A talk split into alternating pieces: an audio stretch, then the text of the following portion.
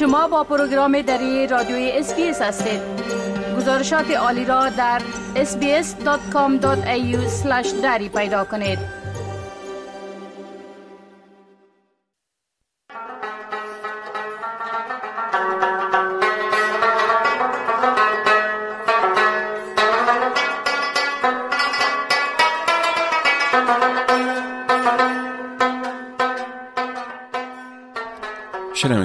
عزیز این نغمه ستار از کارهای ندیم احمد رباب نواز افغان است که هنر رباب نوازی را به صورت مسلکی آموخته و حالا در نظر دارد که ای آله موسیقی سنتی افغانستان در استرالیا معرفی کند.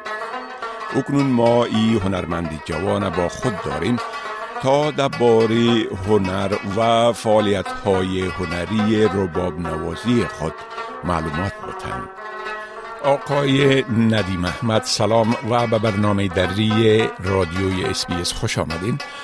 خب اولتر از همه اگر بگوین که چی وقت و چطور به رباب علاقمند شدین؟ بسیار زیاد تشکر از شما به محترم. تشکر از اینکه مرا دعوت کردین. زنده باشین. سلام به شما. سلام به تمام شنونده های عزیز شما. ما تقریبا در سال 2012 که صنف دای مکتب بودم رسما پیش استاد بزرگوارم در افغانستان و زانو زدیم به شاگردی و رباب و شکل اصولی کلاسیک از اون نایاد گرفتیم. بله. خب چنانچه در مقدم یادآور شدم و خودتان هم ذکر کردین نواختن رباب شما به صورت مسلکی آموختین و شما آل گفتین که از استاد نواختن رباب و موسیقی را آموختین. می‌تونین بگوین که نزد کدام استاد شما رباب آموختین؟ ما در سال 2012 پیش استاد بزرگوار ما که خودشان از جمله اولین شاگردای استاد بزرگوار استاد محمد عمر هستند که اونا را همه دنیا مشناسن سلطان رباب برشان لقب داده شده. اینا استاد ما که هستن از جمله شاگردای اول استاد محمد عمر هستن نامشان استاد سردار احمد الله است که مشهور به سردار مدو است. و همچنان به ادامه از اونا ما از شاگرد اولشان فاروق جان فقیری از اونا یاد گرفتیم. و بعدها این موسیقی کلاسیک تعداب هست که ما به حساب اصولا باید یاد بگیریم. بیش از اینا ما مختیم و بعدها از طریق آنلاین از استاد رامین ساقیزاده یک دو سه درس را گرفتیم. بسیار خوب. در خارج از افغانستان هم در رشته موسیقی تحصیل کردین؟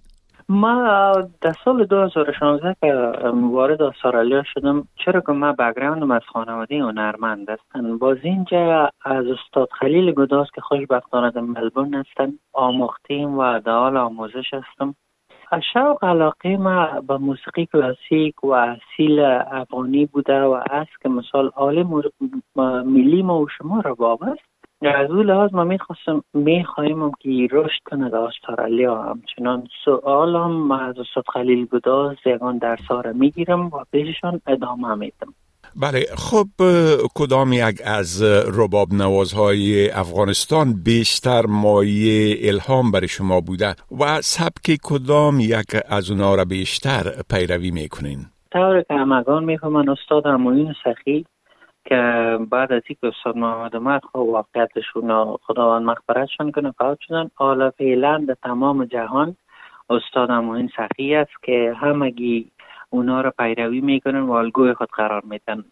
و دوم استاد رامین ساقیزاده است که بهترین رباب نواز هستن. البته ایره من نظر من جج نمی‌کنم یعنی نظر به شاگردشون. ما ای دو نفر بسیار زیاد follow و تعقیب می‌کنم. بله. خب می‌تونین بگوین که چی کارهای هنری تا حال کردین و در چی کنسرت ها و مراسم هنری شرکت کردین؟ در سال 2016 که من وارد استرالیا هستم در مؤخرای سال 2016 داود سرخوش که یک هنرمند معروف افغان شما اونا آمدن. در کنسرت از اونا اینجا play کردیم و در بسیار کنسرت های متعدد. و در از طرف سفارت کبرای افغانستان در کانبرا در Multicultural Day در خیمه افغانستان در سال 2012 اونجا نواختیم که اسنادش البته در تلویزیون SBS که اونجا یک documentary جور می‌کردن اونا ریکارد کردن. خدا کنه باشه پیشان یا اون وقت live نشر شد. بله. بله. خب شما قبلا یادآور شدین که می‌خواین که رباب به مردم استرالیا بشناسانین و معرفی کنین و علاقمندان هم به ایال موسیقی اصیل افغانی جلب بکنین. این کار چطور و از چی طریق می‌کنین؟ برش چی پلان دارین؟ پلان خب است که اول خب باید می رباب زیادتر مردم یک مفکوره را دارن که مثال تمام موسیقی یا طرف مدرن شدن روان است. مثال رباب میگن که در کیبورد است. اما نواختن از موسیقی زنده رباب زنده یک کیفیت خاص خود داره. ما تا 2016 که اینجا نامده بودم شما باور کنید که همگی می‌گفتن اینجا هیچ رباب نواز وجود نداره در بعض محفل عالم که من میرم که از ما دعوت میشه می نوازم برشان در کنسرت ها مردم مرا میگه چه وقت آمدی؟ داله که یعنی بسیار وقت میشه با وقت زمانگیر است برای رشد رباب استاد خلیل هم کوشش های خود داره کورس های را دایر کردن. ما کوشش دارم سر البوم کار می‌کنم تا البوم از طرف کشور استرالیا در چینل یوتیوب نشر شود و خدا کنه که یک نتیجه خوبی بده انشالله بله. خب پلان های دیگه بر علاوه چیزی که گفتین به خصوص در ارتباط به کارهای رباب نوازی تان برای آینده چی است یعنی چی پلان هایی دارین؟ آیا در نظر دارین که کنسرت هایی را راه اندازی کنین یا با هنرمندای دیگه مشترک کارهایی بکنین؟ بله حتما. ما کوشش ما فعلا دیگه است که با کمیونیتی های که استرالیایی هستن.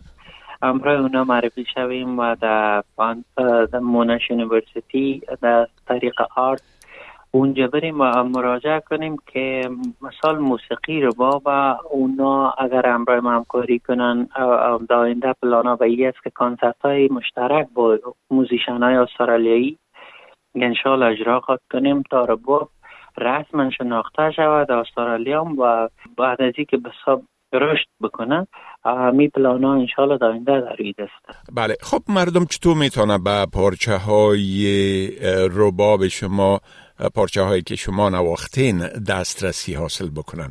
برای فعلا خب ما هم اگه شما مثلا صفحات اجتماعی که مثلا فیسبوک اینستاگرام این چیزا در فعالیت دارم. اما کار اصولا و اساسی که فعلا ما سرش ما و دوستای ما در استودیو سرش کار کردن میریم صفحه رسمی یوتیوب می باشه انشالله که از او طریق به تمام دنیا ما می‌خوایم که یک صفحه رسمی یوتیوب داشته باشم و که کار سر جریان داره. البوم ما جریان ثبت است.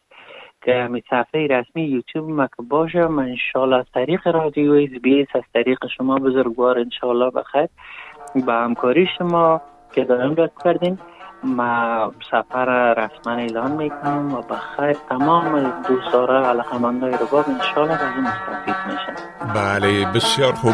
موفق باشین. و از شما تشکر می‌کنم که دعوت مرا برای مصاحبه امروز پذیرفتین. و شما را فعلا به خدا میسپارم. سلامت باشین. وقت شما خوش